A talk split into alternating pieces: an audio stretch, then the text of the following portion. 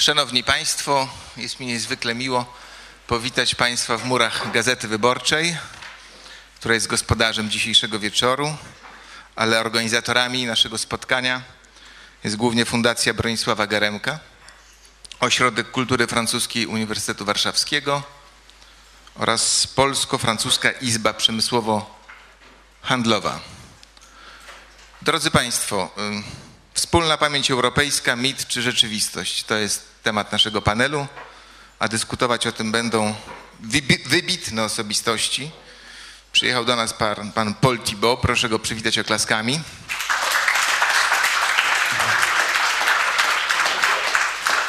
Paul Thibault jest filozofem, eseistą, redaktorem naczelnym otwartego katolickiego pisma L'Esprit. Prezesem, był prezesem Stowarzyszenia Przyjaźń Judeo-Chrześcijańska. Jest komentatorem politycznym France Culture. Pan Aleksander Smolar, witamy.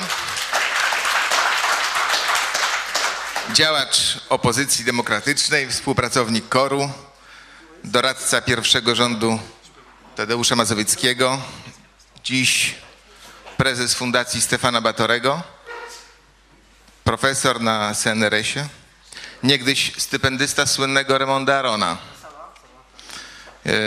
Jego wzorem pozostał przez całe życie takim le spectateur engagé, czyli zaangażowanym obserwatorem.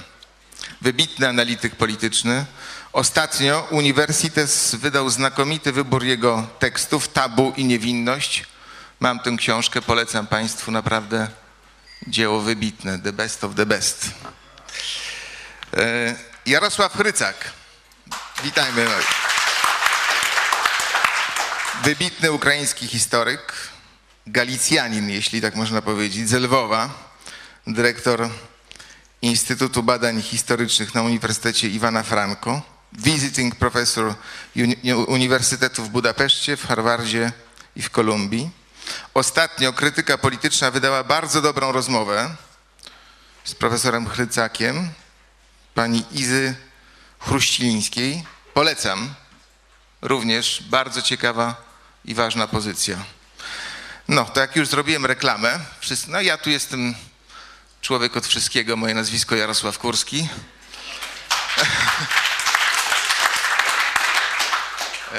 Chciałem poprosić pana prezesa Macieja Wituckiego, który jest prezesem Polsko-Francuskiej Izby Przemysłowo-Handlowej i jednym z organizatorów dzisiejszego spotkania, żeby był łaskaw dokonać wprowadzenia. A jest mównica nawet, proszę bardzo. Na trybunę. Dziękuję bardzo. Ja rozumiem z racji już zupełnie nieaktualnych korzeni przedsiębiorstwa, które mam przyjemność kierować. Na wszelki panek dano mi tradycyjną trybunę zamiast nowoczesnych fotelików pozostałych uczestników debaty.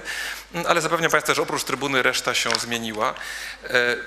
Witam Państwa wszystkich bardzo serdecznie w imieniu, w imieniu Izby, Izby, która co prawda oficjalnie nazywa się Francuską Izbą Przemysłową w Polsce, ale, ale jest bardzo polsko-francuska.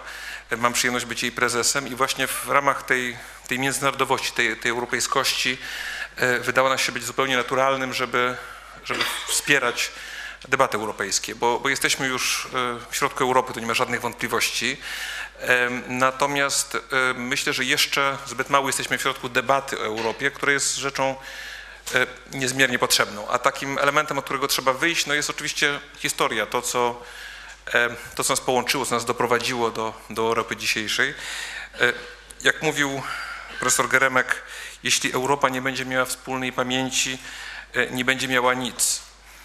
A z drugiej strony, jak wyczytałem dzisiaj rano, wskutek tego, że była informacja o tej debacie, pan Zdzisław Najder wysłał mi fragment swojego wpisu do Księgi Krakowskiego Międzynarodowego Centrum Kultury, w którym informuje, że, że pamięć zbiorowa jest takim bardzo dziwnym, nawet językowym stworzeniem, ponieważ pamięć z natury swojej jest indywidualna, a ta zbiorowa, ta, ta zebrana między nami niekoniecznie jest jednoznaczna. Pamięć zbiorowa żyjących dzisiaj grup Europejczyków na temat miasta Lwów może być zupełnie inna niż miasta Lwiw, na temat Breslau zupełnie inna niż na temat Wrocławia, więc E, Więc jest miejsce do debaty. Niewątpliwie jest miejsce e, do debaty do tego, co Europę e, stworzyło. Czy Europa oparta jest o, o rzeczywistą wspólną, e, wspólną pamięć, jak ją budować dalej. E, Pytanie, czy jest mitem, czy ta wspólnota Europy historycznej jest mitem, czy rzeczywistością. Moim zdaniem jest ona, ponieważ jestem przedsiębiorcą, reprezentuję Izbę, e, jest ona zdecydowanie rzeczywistością opartą o silne fundamenty historii. E, Natomiast często ostatnio, ponieważ mamy z tą Europą kłopoty, staramy się e, może niepotrzebnie wybudować wokół tej historii mit. E, Mit, który może nie do końca jest potrzebny. Mamy ten, to częste pytanie, czy ktoś będzie, i to znów świetnie mi pan, pan Najder dzisiaj podparł, często pada to, to, prowokacyjne, ale wytarte już pytanie, czy ktoś będzie chciał umierać za Europę. I zamiast zadawać sobie to, jakby szukać odpowiedzi, wytężać e, nasze siły, to znaczy ktoś będzie chciał umierać za Europę, zrealizujmy, uświadommy sobie, że dzisiaj niestety setki tysięcy młodych ludzi umierają za NATO. E, W związku z czym e, ten mit e, niekoniecznie e, musi, em, musi być wzmacniany do, do, do takiego ostatecznego poziomu. Być może e, umieranie za NATO wystarczy. Europa jest rzeczywistością, której, za którą nie mamy umierać, tylko wokół której mamy e, budować, e, wokół której mamy, e, mamy tworzyć przyszłość dla naszych e, e, dzieci i wnuków, opartą o, o realną, o prawdziwą historię tejże Europy, o, o ojców założycieli, o osoby e, z wizją, bardzo pragmatyczną wizją, e, nie uciekając się do, e, do mitów potrzebnych w sytuacjach ostatecznych i tragicznych. Także bardzo się cieszę, że miałem przywilej e, wprowadzenia tego dzisiejszego spotkania i teraz pozostawiam już oczywiście miejsce dla osób, e, które profesjonalnie są w stanie ten temat historii, e, tych korzeni historycznych Europy dla nas w sposób jak najbardziej pragmatyczny, jak najbardziej taki, który ja będę mógł po powrocie do domu przedłożyć mojej 16-letniej córce jako, jako ten powód dlaczego, ten powód dlaczego ta niebieska flaga z żółtymi gwiazdkami i, i dlaczego warto się pod, pod Europą podpisywać. Dziękuję bardzo pięknie i, i życzę wszystkim Państwu owocnych obrad i ciekawej dyskusji. Dziękuję Bardzo dziękujemy panu prezesowi. Zachęcam państwa, żebyście zajmowali państwo miejsca. Tutaj są jeszcze wolne z przodu. Proszę się nie, nie wahać. Nie ma sensu męczyć nóg. Dużo jest jeszcze wolnych krzeseł. Zapraszamy. Szanowni Państwo, chciałbym, by naszym rozważaniom patronował dzisiaj profesor Bronisław Geremek ten wybitny Polak i historyk tworzący historię. On pod koniec życia wielokrotnie wracał do idei, że wspólnota polityczna, jaką jest Unia Europejska, wymaga zakorzenienia w historii, wymaga tożsamości historycznej. No ale tutaj zaczyna się pewien kłopot, bo mamy dwie pamięci europejskie, tak? Mamy tą pamięć europejską, która nawiązuje do śródziemnomorskiej kultury an- antycznej, do tej Europy judeo-chrześcijańskiej, do tego średniowiecznego etosu rycerskiego, do uniwersytetów angielskiej Magna Carta Libertatum, Europy włoskiego renesansu i francuskiego oświecenia, rewolucji francuskiej, praw człowieka, Konstytucji 3 maja, zrywów niepodległościowych, wolnościowych, wreszcie do Europy jako kolebki demokracji. No ale jest i druga strona tej pamięci, druga strona medalu. Europa mordów, gwałtów, podbojów, prześladowań religijnych, inkwizycji, stosów, defenestracji, rzezi hugenotów, noc świę- świętego Bartłomieja, poddaństwa, feudalnego wyzysku chłopstwa, masowej eksterminacji wrogów ludów Wandei, kolonializmu, wreszcie najokrutniejszych w dziejach świata dwóch wojen światowych, które rozpoczęły się w Europie. Witamy pana premiera Tadeusza Mazowieckiego.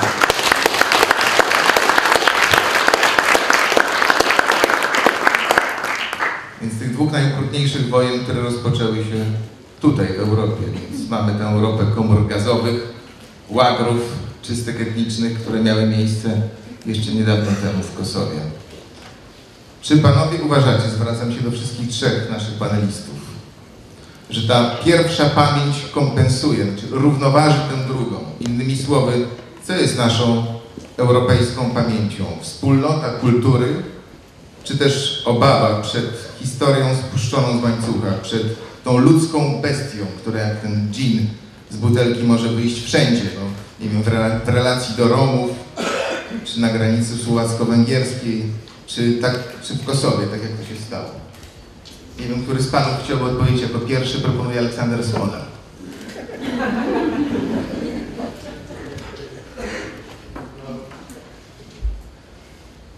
No, odpowiedź jest oczywista, że jednym i drugim, prawda? Leszek Kołakowski, to co moim zdaniem jest charakterystyczne dla Europy, Leszek Kołakowski ładnie to ujął, mówiąc, że Europa jest to jedyna kultura, jedyna cywilizacja, która potrafi stawiać się pod znakiem zapytania, to znaczy być krytyczną wobec własnego dziedzictwa. I twoje pytanie jakby jest tego dowodem, to znaczy, że jesteśmy świadomi tradycji, historii długiej, osiągnięć, ale równocześnie drugiej strony, mrocznej strony europejskiej, europejskiej historii. I mi się wydaje, że, że umiejętność łączenia jednego i drugiego jest właśnie świadectwem tego e, najlepszej europejskiej, najlepszej europejskiej tradycji. Paul Thibault. Znaczy byłoby tutaj bardzo wiele do powiedzenia, natomiast powiedziałbym, że w sposób być może prowokacyjny też na rozpoczęcie, że y, największy, y, y, największym powiedzmy jakby wymysłem Europy to jest naród. Naród. Na, y, bardzo ważny antropolog angielski Sir Henry Maine powiedział, że istnieją dwie formy prymitywnych władzy politycznej, czy ewentualnie władzy politycznej. Mianowicie z jednej strony plemię, y, z jednej strony, prawda, forma prymitywna to jest plemię, to znaczy my, prawda, że my wszyscy pochodzimy od tego samego przodka i to tworzy jakąś jedność krwi i rządzimy się tym. A że drugi, drugi biegun to jest imperium, to znaczy władza, która y, nie zna tożsamości etnicznej, y, ani tożsamości historycznej i która się po prostu rozszerza tak daleko, jak się da. Y, I potencjalnie chciałaby pokryć, prawda, całą ludzkość swoim panowaniem.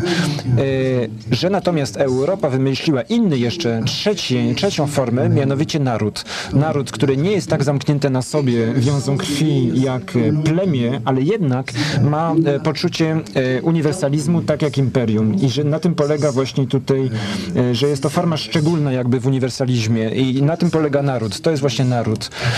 Natomiast teraz zdefiniować, co to może być naród europejski, naród w tym francuskim rozumieniu, nation.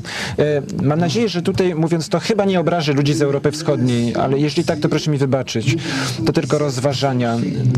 E, Naród to jest pewne, pewne, pewna zbiorowość, która wie, gdzie ma swoje granice. E, Autor węgierski, dla którego mam wielki podziw, mianowicie e, Istvan Bibo, Bibo e, który nie tylko jest wielkim pisarzem, ale też bohaterem, ale nap- napisał, że część swoich studiów odbył w Genewie w okresie międzywojennym i mówił, że granica pomiędzy Szwajcarią a, Szwajcarią a Francją mówił, że nie ma bardziej sztucznej na świecie granicy.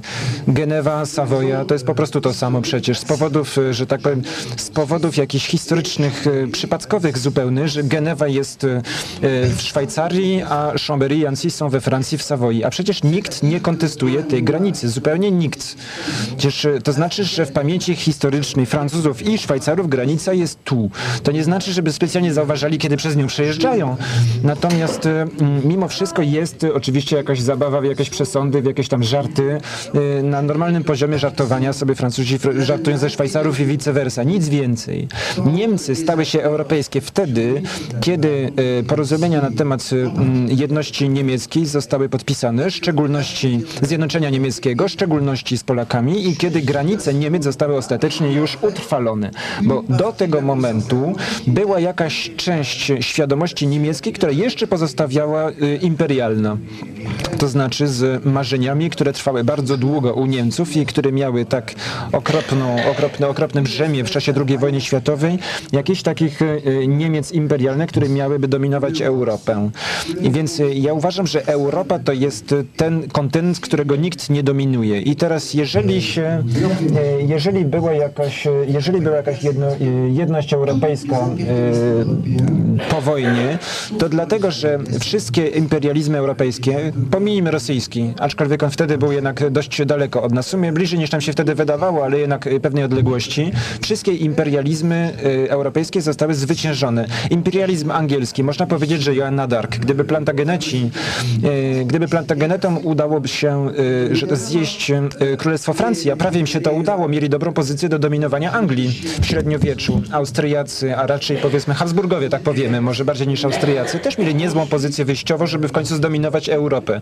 W końcu jednak Francuzi ich potem poskromili, ale potem z kolei Francuzów na dobrą sprawę y, zrównoważyli y, Anglicy. Y, Imperializm francuski, znaczy imperializm Napoleona był oczywiście troszeczkę folklorystyczny, ten Ludwika XIV wcześniej był trochę poważniejszy, a potem imperializm niemiecki, dwie wojny światowe z tego powodu, wiadomo ile one kosztowały. Najlepiej wiemy o tym w Polsce i we Francji. I właśnie ostatecznie w momencie, w którym narody są jednak już osadzone wreszcie na swoim miejscu i w swoich granicach, wtedy Europa zaczyna móc e, istnieć. Zaraz kończę.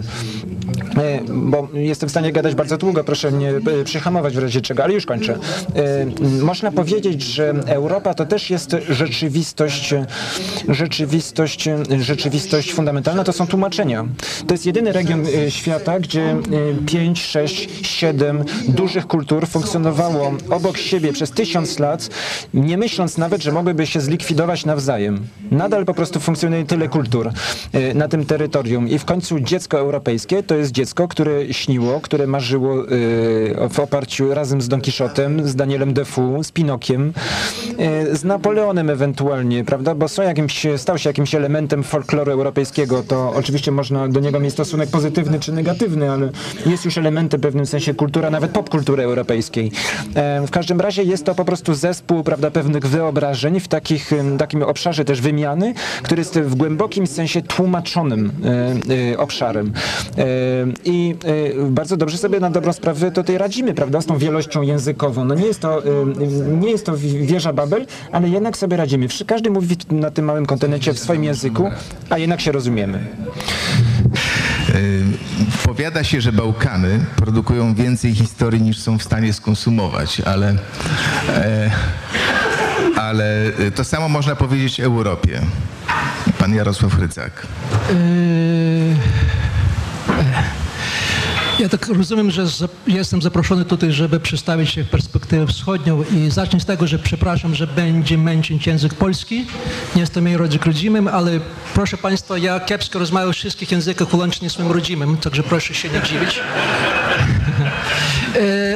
Czy jest, istnieje mit Europy i nawiązując do tego, do tej pierwszej wystąpienia, zrazu przyszło mi do głowy, że z punktu widzenia Europy Wschodniej, a szczególnie Ukraińców, rzeczywiście żaden Ukraińc chyba nie odda swoje życie za Europę, ale każdy Ukraińc chciałby w Europie żyć. I to jest bardzo ważne, bo mamy tę perspektywę Europy taką bardzo konsumerystyczną. Europa to jest inny poziom życia, to jest stabilność i takie inne rzeczy. Oczywiście nie będzie, nie będzie to rozwijać, bo oczywiście to jest częścią także polskiego, e, pol- polskiej wyobraźni e, e, wyobraźni Europy, a znaczy to, a znaczy to moim zdaniem też, że, że tak naprawdę to, co my pojmujemy przez Europę, to jest właśnie jako całość Europy, to, co gwarantuje Europę, to jest właśnie ekonomika, gospodarstwo. I to jest chyba nie żadna nowa teza, to jest teza, która idzie od słynnej szkoły, francuskiej analog, tak, przez, przez Brodela, przez Legoffa, który zawsze mówimy, że, te, że geografia Europy pracowała zawsze, ekonomika Europy pracowała zawsze za jedną Europę, tylko historia pr, pr, pr, pracowała przeciwko. I oczywiście, że, że, że, że,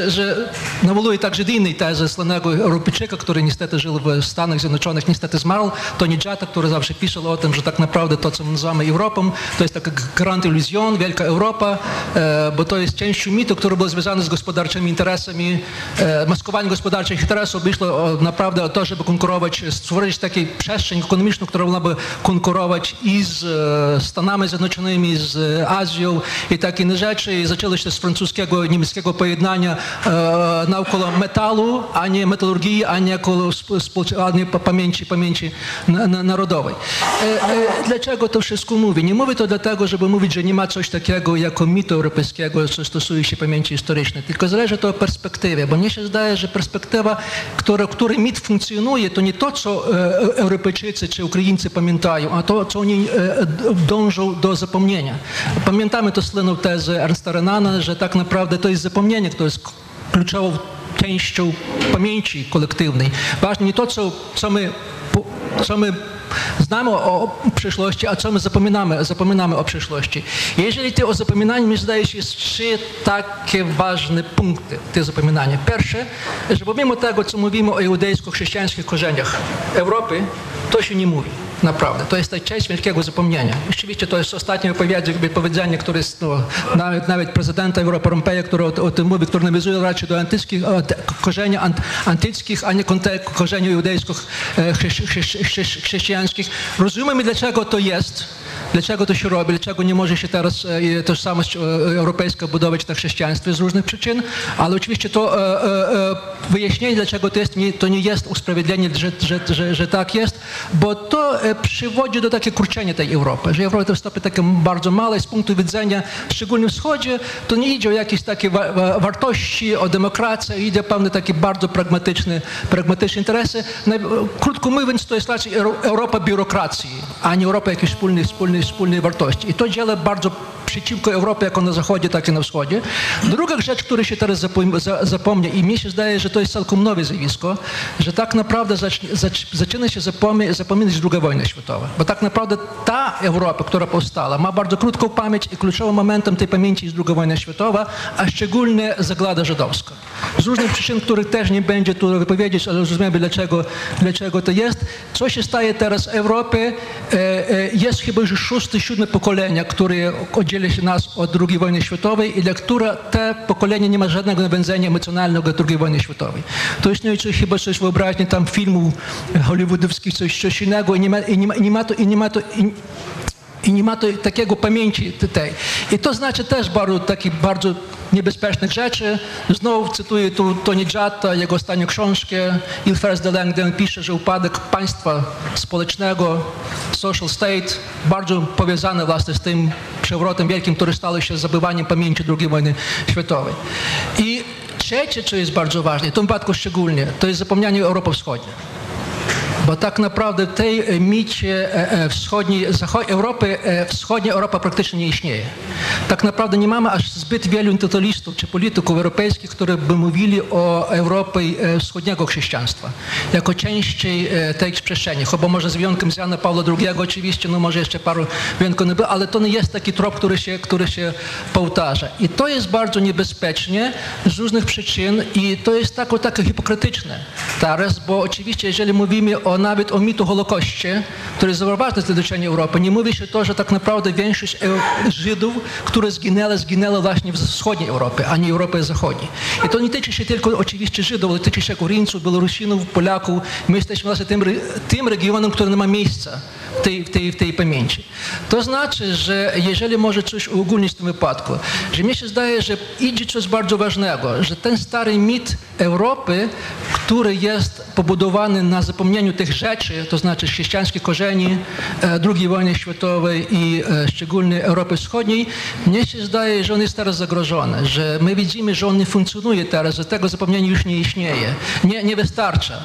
E, szczególnie z tym, że przyszła nowa wschodnia Europa w tę część teraz Ona напомина o tych, o tych, o tych, o tych, o tych rzeczach, swoim prawić mocno głosa. Co przyjdzie, co przyjdzie zamiast tego, nie mogę powiedzieć, bo jestem historyką, historycy są bardzo, bardzo kiepskie jako, jako e, prorocy, tylko mam takie odczucie i ja jesteś, mnie się zdaje, że nie jestem sam tym odczuciem, że e, idzie mowa nie tylko o kryzysy europejskiej tożsamości, o europejskiej pamięci e, e, e, zbiorowej.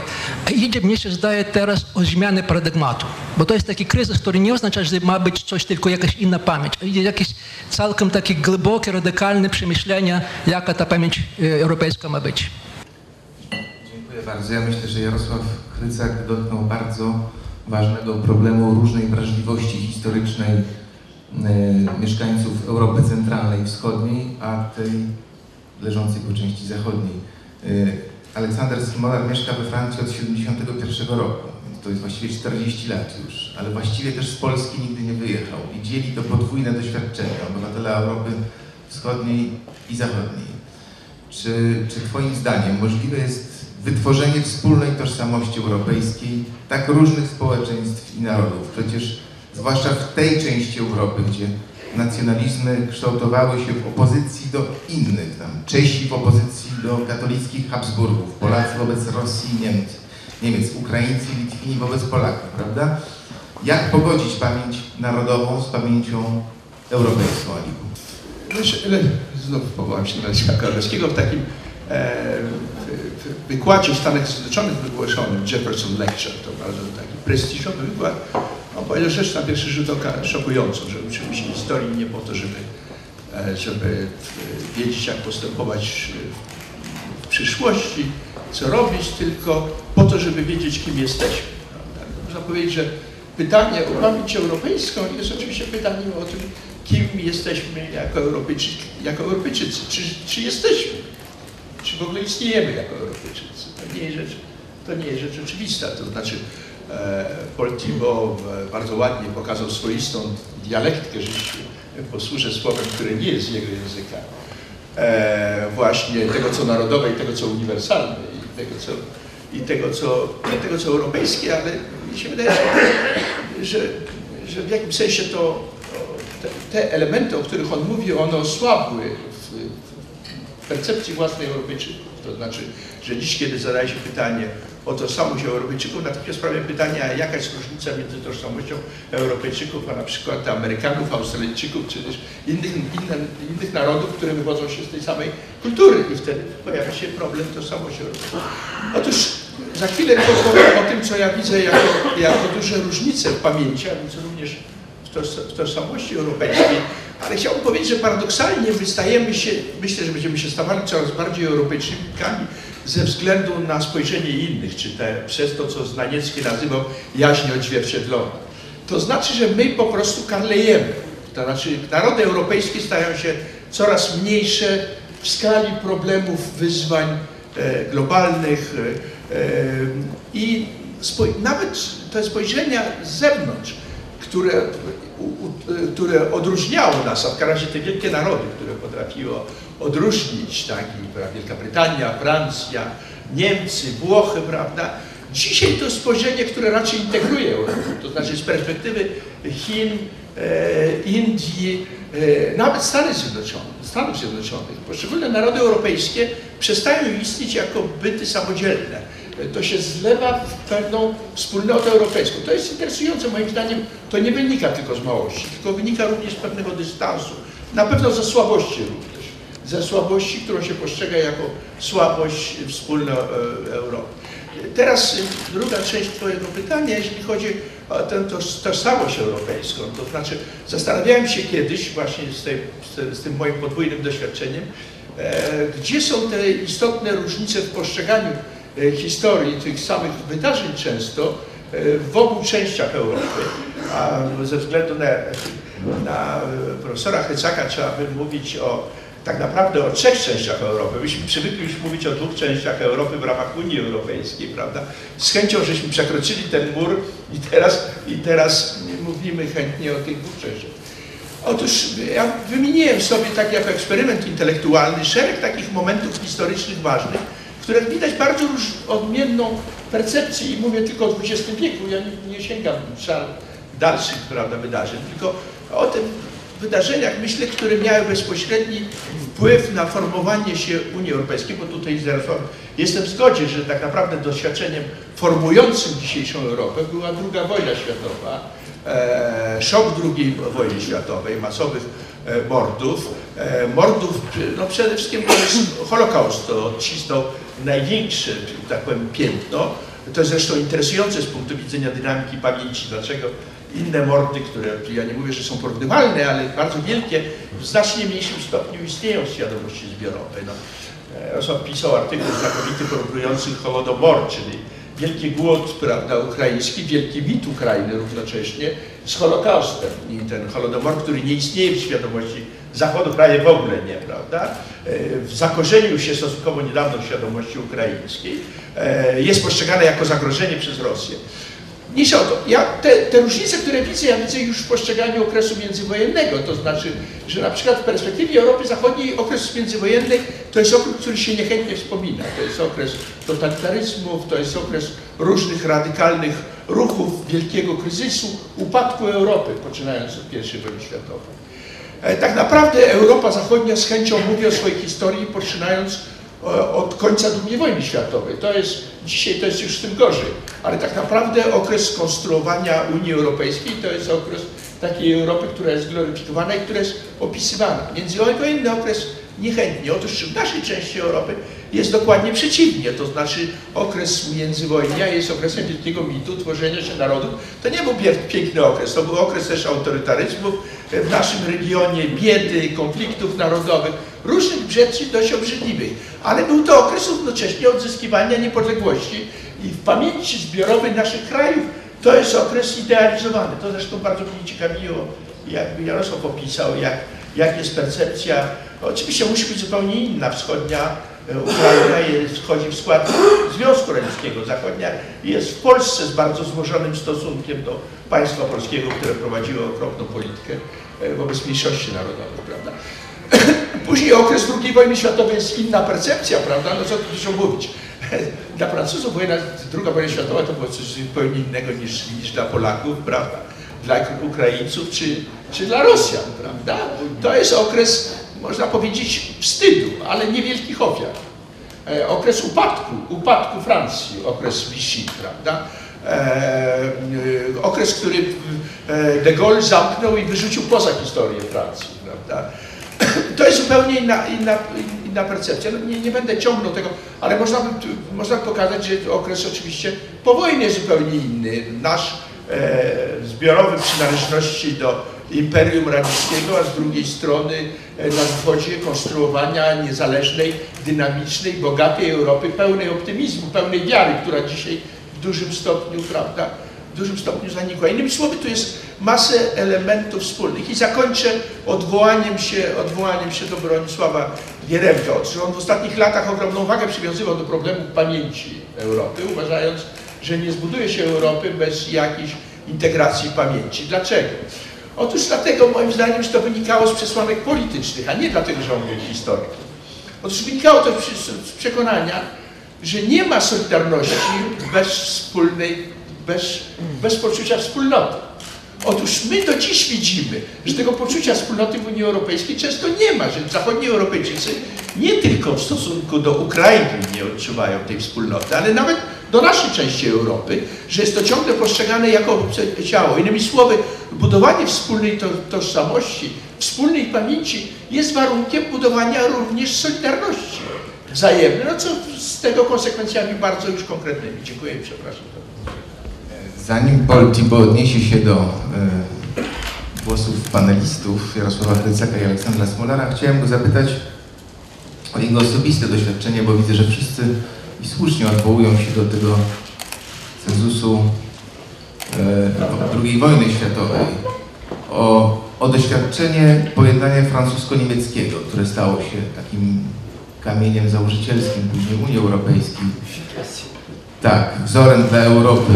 Dla Polski także w relacjach z Niemcami.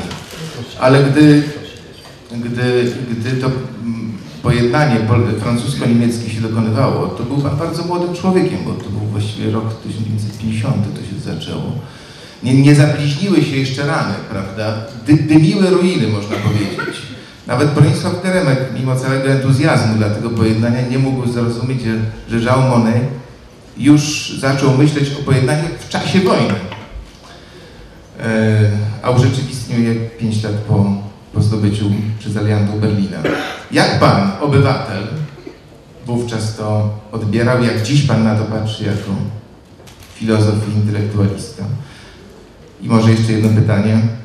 Czy wspólny podręcznik do historii niemiecko-francuski to, to jest jakiś sensowny eksperyment, czy to jest humbug?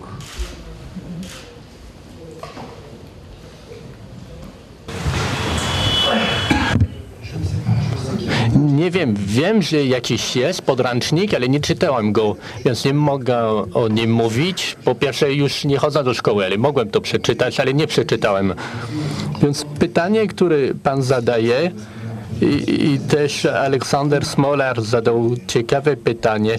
Nie mówimy o okresie międzywojennym. Myślę, że generał de Gaulle miał rację mówił o e, wojnie 30-letniej, mówiąc o tym okresie. Myślę, że w, Europie Wschodniej, tak mi się wydaje, w Polsce zwłaszcza zapomina się o I wojnie światowej. E, Czy możemy mówić, e, czy Polacy wiedzą o tym, że ci, co umierali w Verdun, też umierali za Polskę, że bez tego e, nie byłoby niepodległej Polski.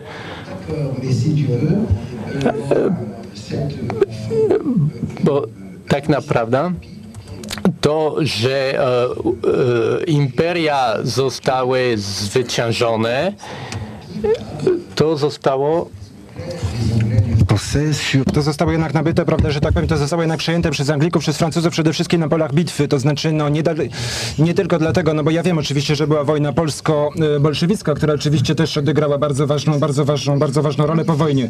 Natomiast y, moim zdaniem należałoby przede wszystkim jednak pojednać te pamięci, prawda, i przede wszystkim podkreślić, że to mimo wszystko jednak to przejście z pojęcia imperium do pojęcia narodów, do tego wymiaru jednak jest tym leitmotywem historii europejskiej w XX wieku. Powiedziałbym, że jakby to powiedzieć, leitmotywem w tym momencie pozytywnym y, od tej strony. Natomiast międzywojnie, to co się działo w okresie międzywojennym, to jest jednak pewna kwestia, która oczywiście nie może w żaden sposób nie, no, no, nie wpływać na Francuzów. Tutaj Alik ma rację, prawda? To znaczy, jakby to powiedzieć, e, jako, jako strażnik Europy kontynentalnej pozostawiono Francuzów, którzy się do tego po prostu nie nadawali. E, tutaj François Furet powiedział jedną rzecz pod koniec życia, prawda, w takiej dyskusji. On powiedział, wiecie Thibault, ta wojna to był jednak dramat. Ta, ta wojna, e, pierwsza wojna światowa była dramatem, ponieważ to wygrał ją najsłabszy. To byliśmy my, Francuzi.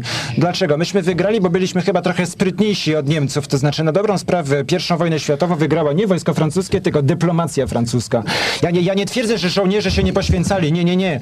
Ale po prostu mam na myśli, że potem rzeczywiście tak było. Natomiast okres międzywojna jest z naszego punktu widzenia okresem całkowitego chaosu, w którym Europa narodów nie jest w stanie jakoś się ułożyć, w dużej mierze zresztą ze względu na Amerykanów i za ich, że tak powiem, post-wilsonowskie prawda, i izolacjonizm e, wilsonowski był pewną katastrofą dla Europy, który nie rozumiał po prostu Europy.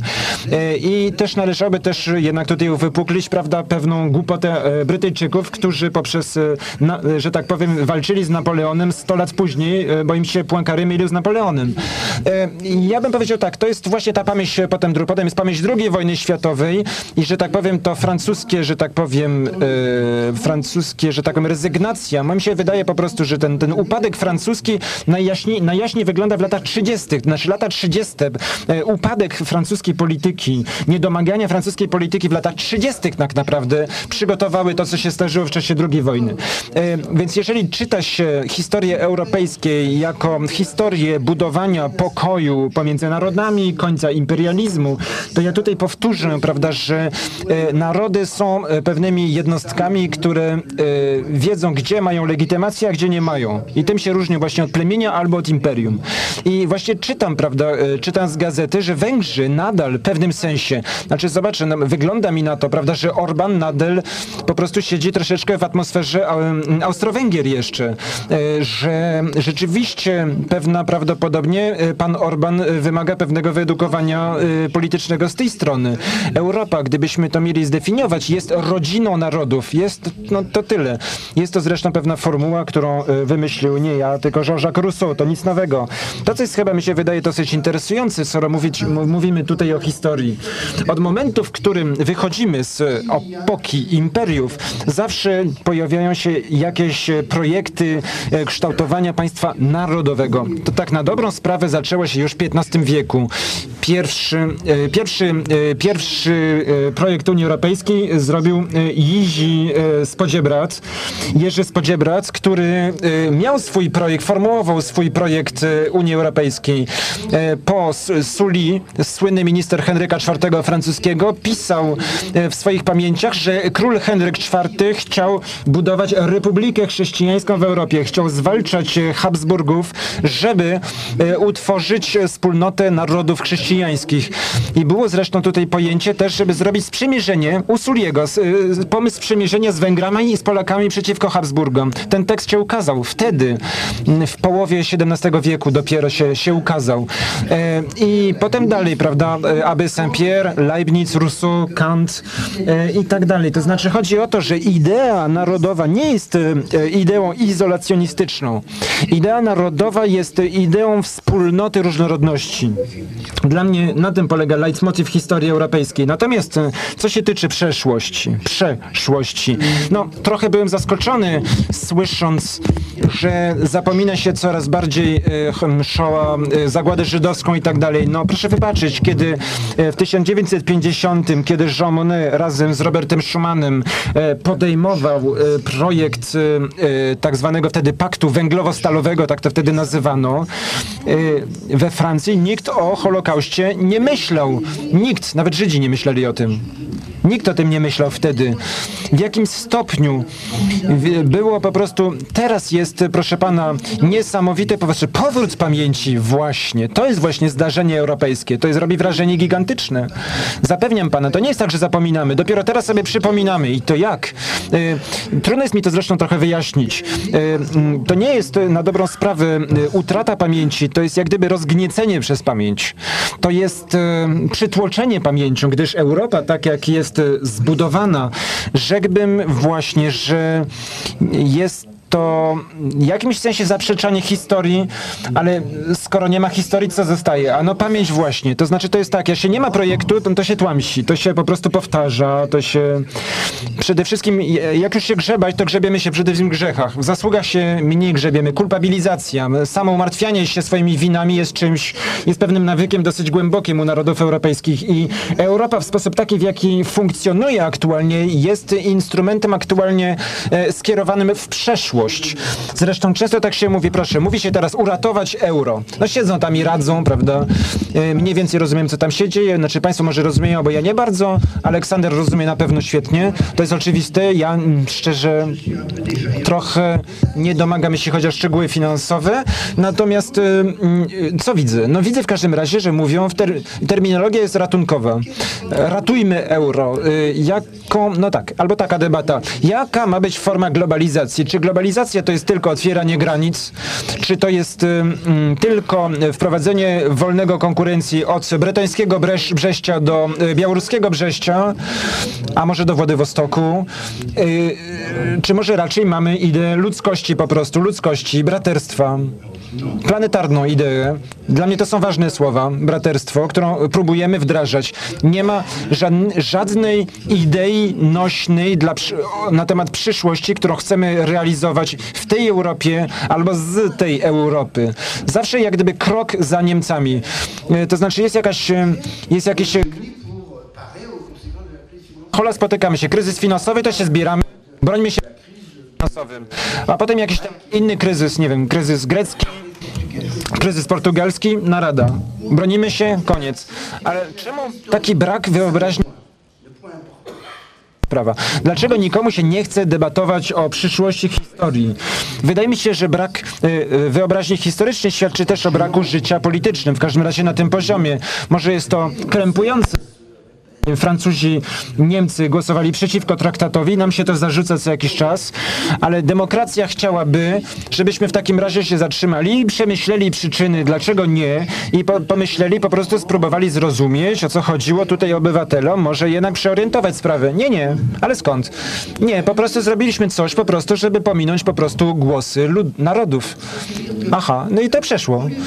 Więc jest jakiś problem, więc zamiast po prostu społeczeństwom, no nie wiem, no, może jakiś marketing polityczny, no słuchajcie, no źle zrozumieliście, to w takim razie my wam to jeszcze raz wytłumaczymy, ale to nie. Demokracja, na czym polega demokracja? Demokracja jest tak, że się próbuje, nie wychodzi, no to nie, no. A tutaj nie, nie, to w takim razie robimy to samo, opakujemy inaczej, nazwiemy i łykniecie. Więc y, mm, rzeczywiście, prawda, tutaj ten, y, te jakby tak zwroty pamięci, te y, pojawianie się, przypominanie sobie czasami jest zaskakujące, prawda, czasami, że tak powiem, to są pewne prądy, które wychodzą na powierzchnię w sposób zaskakujący. No a to, co się dzieje po drugiej stronie Morza Śródziemnego, dosyć to jest ciekawe. Były tam reżimy, prawda, między innymi reżim algierski, reżim algierski, no nie jest bezpośrednio zagrożony, ale jednak mimo wszystko y, mocno, że tak powiem, zachwiany, prawda, tym, co się dzieje. Tam też był reżim, prawda, oparty, który opierał swoją legitymację na przeszłości, na wojnie niepodległościowej przeciwko Francji, która, jak wiadomo, była wojną dosyć brzydką, a ze strony francuskiej to zupełnie oczywiste. Natomiast nagle, nagle w pewnym sensie chyba się tam odbywa koniec. To jest jednak niesamowita rzecz, proszę Państwa. To znaczy w 1962 roku było odwracam się plecami od Europy, prawda? To były pierwsze słowa Ben, Bali, e, ben. E, Jesteśmy Arabami, Arabami, Arabami. Powtórzył to trzy razy podczas pierwszego przemówienia, zaraz po niepodległości Algierii. No i to było, że tak powiem, bardzo uderzające, to znaczy, aha, to znaczy rozrywają mosty z nami, no cóż. A teraz to nie tak wygląda, to zupełnie nie tak wygląda. Teraz się pojawia po prostu zupełnie coś innego.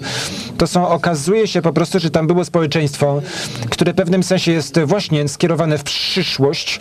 Yy, przyszłość, yy, której mieliśmy kiedyś być drogowskazem, ale nie są to społeczeństwa już, które już nie mają obsesji przeszłości, a my natomiast nadal nie mamy idei przyszłości.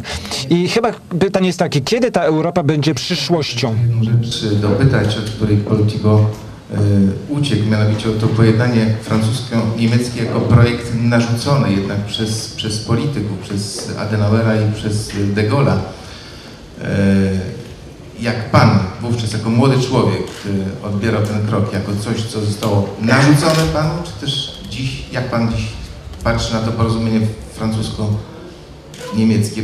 Pytam o to dlatego, że tutaj na sali jest pan premier Tadeusz Mazowiecki, który często wspomina o, o tej rekoncyliacji niemiecko-francuskiej jako wzorze rekoncyliacji polsko-niemieckiej.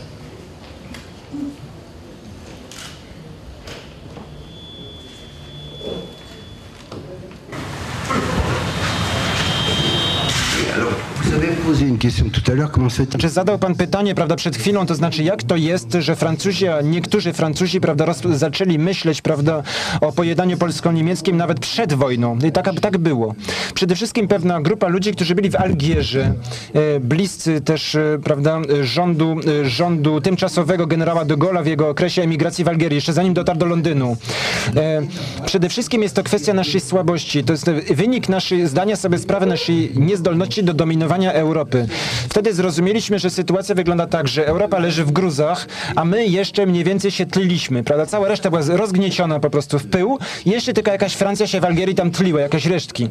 I to była sytuacja po prostu stanu ich umysłów w latach 42-43, prawda? Imigracyjna Francja, która jeszcze miała jakieś tam swoje niby terytorium tylko w Algierii.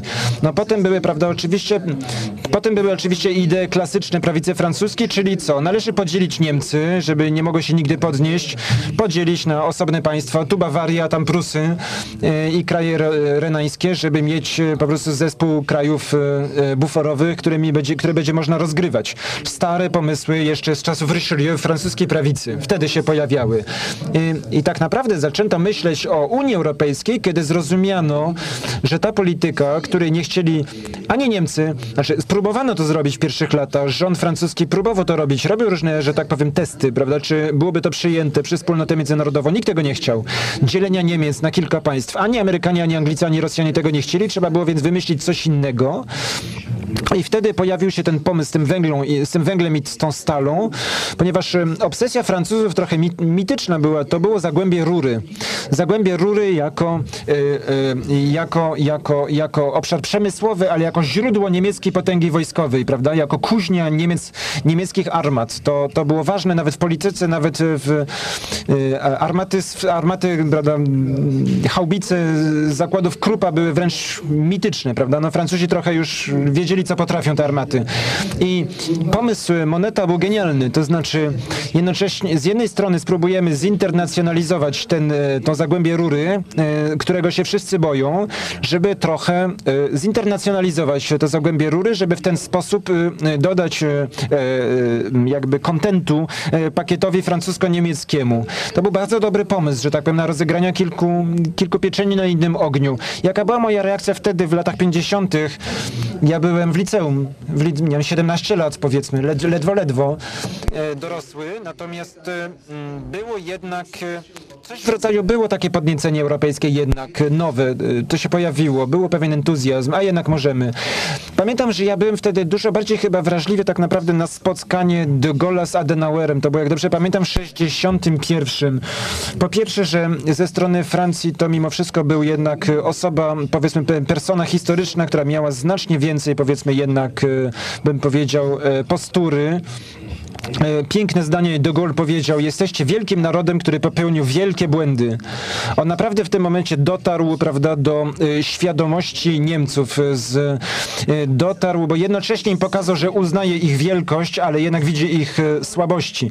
I to było prawdziwe europejskie zdanie. To było zdanie, w które świadczy o tym, że można było mówić do siebie, że można się jednocześnie szanować, można mówić sobie i e, mówić o źle i o dobrze. Czy teraz są ludzie, którzy potrafią, że tak powiem, takie zdania wypowiedzieć? W jednym zdaniu tyle rzeczy. E, Bardzo ciekawie, niezmiernie ciekawe mnie tu siedzieć i słuchać te różnice w naszych perspektywach. Zachodniej Europy, wschodniej Europy, centralnej Europy, polsko-ukraińskie różnice.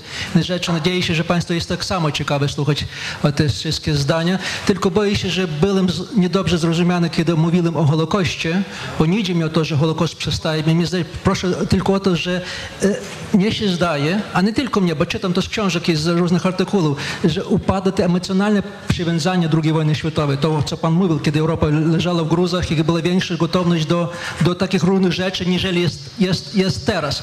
Ale nie będzie o tym mówić, bo nie mówić o czymś e, innym, o tym naszym z perspektywy. Jeżeli patrzy się, co jest takim złotym, złotym wiekiem, do, do, do czego odwołują się nasze narody, które bardzo takie budowanie tej wspólnej, wspólnej pamięci, to zdaje się mnie, że to jest całkiem odwrot, odzwierciedlanie e, to, co robi się e, Europy, tej zachodniej części, czy szczególnie może tym polskim, francusko-niemieckim niemieckim wypadku. E, mnie się zdaje, że takie dwa główne punkty pojednania, takie mity wielkie, to jest pierwszy, to jest oczywiście wi- e, mit e, II wojny światowej, tylko że ona funkcjonuje u nas nie jak II wojna światowa, a jak Wielka Отечественная wojna i ona trwa, trwa nas krótsze, na dwa lata, to znaczy zaczyna się w 1941 roku, jak- jakby od 1939-1941 nic nic nie było, ale nawet nie to jest największe e, takie, takie falszykowanie tej, tej historii. Największe falszykowanie też, że tam ta wojna przedstawia się jak piękna wojna, jak wojna atrakcji, bo myśmy to wojnę, wyg- bo my myśmy to wojnę wygrali. To ro, robi nasza większość, a to znaczy, że ta większość się utwierdza e, ceną o- ofiar, że tak naprawdę nikt nie chce mówić o tych ofiarach, ofiarami, ofiarami e, tej, tej wojny i to jest bardzo niebezpiecznie, bo właśnie, że, te, że utrata tej emocjonalności, tej związania z wojną, e, z tą doświadczenie tej wojny, które było w starszych, w starszych pokoleniach, teraz już nie zniknieje, bo jest to poczucie, że wojna coś, co jest bardzo dobrze. To jest taka gra komputerowa, to znaczy, że coś się może zdarzyć, bo że my, my, my, my, my coś jest bardzo, bardzo, bardzo atrakcyjne. I to jest bardzo, bardzo tak, taki, taki niebezpieczny wątek, który się pojawia całkiem często specjalnie w telewizji, mass media, który bardzo się powtarza, szczególnie teraz ostatnio przez, przez te zmiany, które stały się w e, Ukrainie, w Rosji, oczywiście w Ukrainie i niestety ostatnio w e, Białorusi, tej piękność, piękność tej, tej wojny. A druga rzecz, do której się odwołuje, i to Przepraszam, że przerwę, bo ukazała się niedawno książka Timothy'ego Snydera e, Właśnie. Blood Fields, tak? Właśnie. Pola krwi, który pokazuje, że ten, ta przestrzeń między Wartą a Wołgą Właśnie. spłynęła krwią, to, ale to jest głównie książka adresowana do odbiorcy zachodniego. Tak, tak. I właśnie mi się zdaje, bo ja kiedy mówiłem, że mi się zdaje, że coś, coś jest w rodzaju takiej e, zmiany paradygmy, to właśnie odwołuję się do książki e, e, Snydera, a jeszcze do książki Najmarka o stalinskich genocydach. Mi się zdaje, że to dwie ważne książki, które pokazują, że staje się jakaś zmiana, zmiana bardzo radykalna, sposób porozumienia przyszłości Europy na Zachodzie.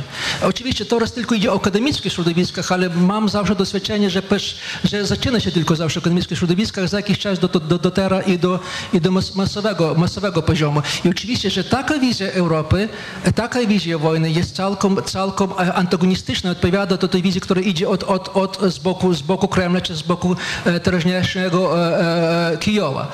E, druga rzecz, do której się odwołuje jak, jako takie zlo, złote czasy, i to jest bardzo interesujące, to nie do międzywojennych czasów. Bo Międzywojenne czasy w ogóle nie istnieją e, w naszej e, przyszłości. To znaczy, że, że ludzie wolą, narody wolą o nich zapomnieć, oczywiście z, może z wyjątkiem Głodomoru, który w się bardzo aktualizuje się, ale kiedy się mówi o tych złotych czasach, to oczywiście to jest czasem imperium. Czasem rosyjskiego imperium, czasem austriackiego imperium. To jest bardzo ciekawe, że nas w Odesie zjawia się pomnik Katarzyny II jako czasu taki największy w większości tego miasta, a w Lwowie mówi się o pomniku dla Franca, Fra, Franc, Franciszka, Franciszka Józefa II. To nie znaczy, że ludzie myślą, że to byli najlepsze państwa, ale nie bardzo dobrze rozumiem, że wszystkich, którzy byli po tych państwach było górze, go- gorzej, gorzej, gorsze. To znaczy nie odwołuje się do tego czasu, do tych czasów, jako do, do, do tych, do tych, do tych e, e, e, starych czasów. Jest dwie niebezpieki, któ- które z tym, które z tym związane, z pierwszym i drugim mitem. To znaczy, że to ustali jakiś mit, który bardzo jest wielki, wielkiej przestrzeni, która e, nie e, e, oddaje uwagi ofiarom, nie u- oddaje uwagi bardzo wielu, e, przemilczaje bardzo wielu rzeczy, które, które malują całkiem inną historię, ale szczególnie, że ona odzwierciedla te, takie, takie e, e, mit imperialny, e, jako w czasu drugiej, końca XIX wieku, tak i czasu II wojny światowej, a to znaczy, że utwierdza się jakaś taka nowa całkiem wizja Europy Wschodniej, który główny copyright na to, to historię ma, ma teraz Kreml. I oczywiście, że z tego copyrightu wychodzą, nie umieszczą się narody bałtyckie, część Ukrainy, krymskie Tatary i oczywiście lista, lista jest bardzo, bardzo, bardzo e, długa. E, e, co można temu przedstawić? E, przedstawić? Jak można temu się przedstawić? Ja się my, myślę, my ma, mam takie zdanie, że tak naprawdę, że coś, że pewne pozytywne, bardzo pozytywne rzeczy takie się stały ostatnio, przez ostatnie paru lat i szczególnie mi się chce mówić o polsko-ukraińskim pojednaniu.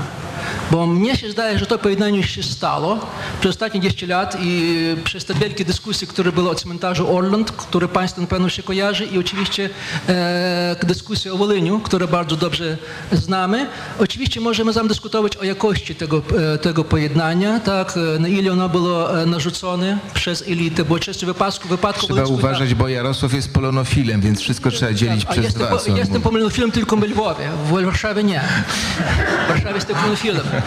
E, Ale że, że, że co się stało, to jest bardzo ważne. Mi, mi się zdaje, że bardzo ważne. Oczywiście to jest punkt bardzo subiektywny. E, że, że, że, ale zawsze lubię powtarzać te, te, te zdania Normana Davisa, że tylko e, kiepskie historyki udają, że nie subiektywni. Wszyscy dobrzy historyki muszą, muszą się przyznawać do swojej subiektywności. Ja chcę być dobrym historykiem, też się przyznaję do tego, że jestem tu subiektywny, ale e, co jest bardzo ważne, mi się zdaje, że w jakimś stopniu, tylko w jakimś stopniu, to pojednanie polsko-ukraińskie to jest coś, co można porównać z pojednaniem francusko-niemieckim. Bo na ile francuskie-niemieckie e, pojednanie dało szansę tworzenia tej nowej Europy, w tej części, na ile e, e, polsko-ukraińskie pojednanie da szansę, jeżeli nie rozszerzenia Europy, bo to jest kwestionalne oczywiście, czy Ukraina będzie częścią, czy nie będzie, to przynajmniej kopiowanie tej kultury pojednania, rozszerzenie tej kultury, która jest bardzo europejska. Bo proszę pana, państwa, ta kultura pojednania, która zaczęła się chyba z niemiecko-francuskiego pojednania, jest, jest kultura bardzo europejska, powojenna oczywiście europejska, bo w żadnym innym wypadku kontynentalnym nie mamy tego, żeby ktoś takiego zaczęło się robić. Oczywiście możemy mówić o państwu, o, a- o Afryce Południowej, ale to też można uważać, że to jest częścią tej, tej, tej kultury. To znaczy, że przez tę taką, taką kontynuację francusko-niemieckie pojednanie, polsko-niemieckie pojednanie, e, e, polsko-ukraińskie pojednanie, stwarza się całkiem nowa, nowa sfera nowej kultury, kultury pojednania, która bardzo chce się rozszerzyć jak mogę dalej, aż do Wostoka i, i, i, może, i, może, i może jeszcze. E, dlatego, dlatego jestem pewnym w tym sensie optymistą i myślę, że problem tu nie jest, bo znaczy, że jest jakaś alternatywa. Z jednej strony mamy to stworzenie tej wielkiej imperialnej historii, której w ogóle e, e, koncepcji pojednania nie ma, nie istnieje. Bo coś takiego jak e, leksyka wybaczcie nas, my przyjmujemy wybaczenie, nie istnieje w tej kulturze w ogóle. Po prostu jest fraza, która nie, nie, nie, nie, nie można sobie wyobrazić, wyobrazić e, z punktu widzenia e, ludzi, których tę którą, którą, którą wersję historii proponują, proponują narodom naszej, naszej, naszej części. Ale mnie się zdaje, że tu sprawa nie tylko jest tylko w tych formułach. Oczywiście my wszyscy jesteśmy totalistami i że zawsze możemy te formuły wymyślić. E, i zrobimy to rano czy później, a myślę, że jest to zrobili. Mnie się że bardzo ważna część jest także strukturalne zmiany. Pewne tworzenie pewnych struktur, w których ta e, e, e, formuła intelektualna może zaistnieć i nie tylko zaistnieć, a puścić korzenie, żeby nie było tylko naleczone na, przez, przez elity.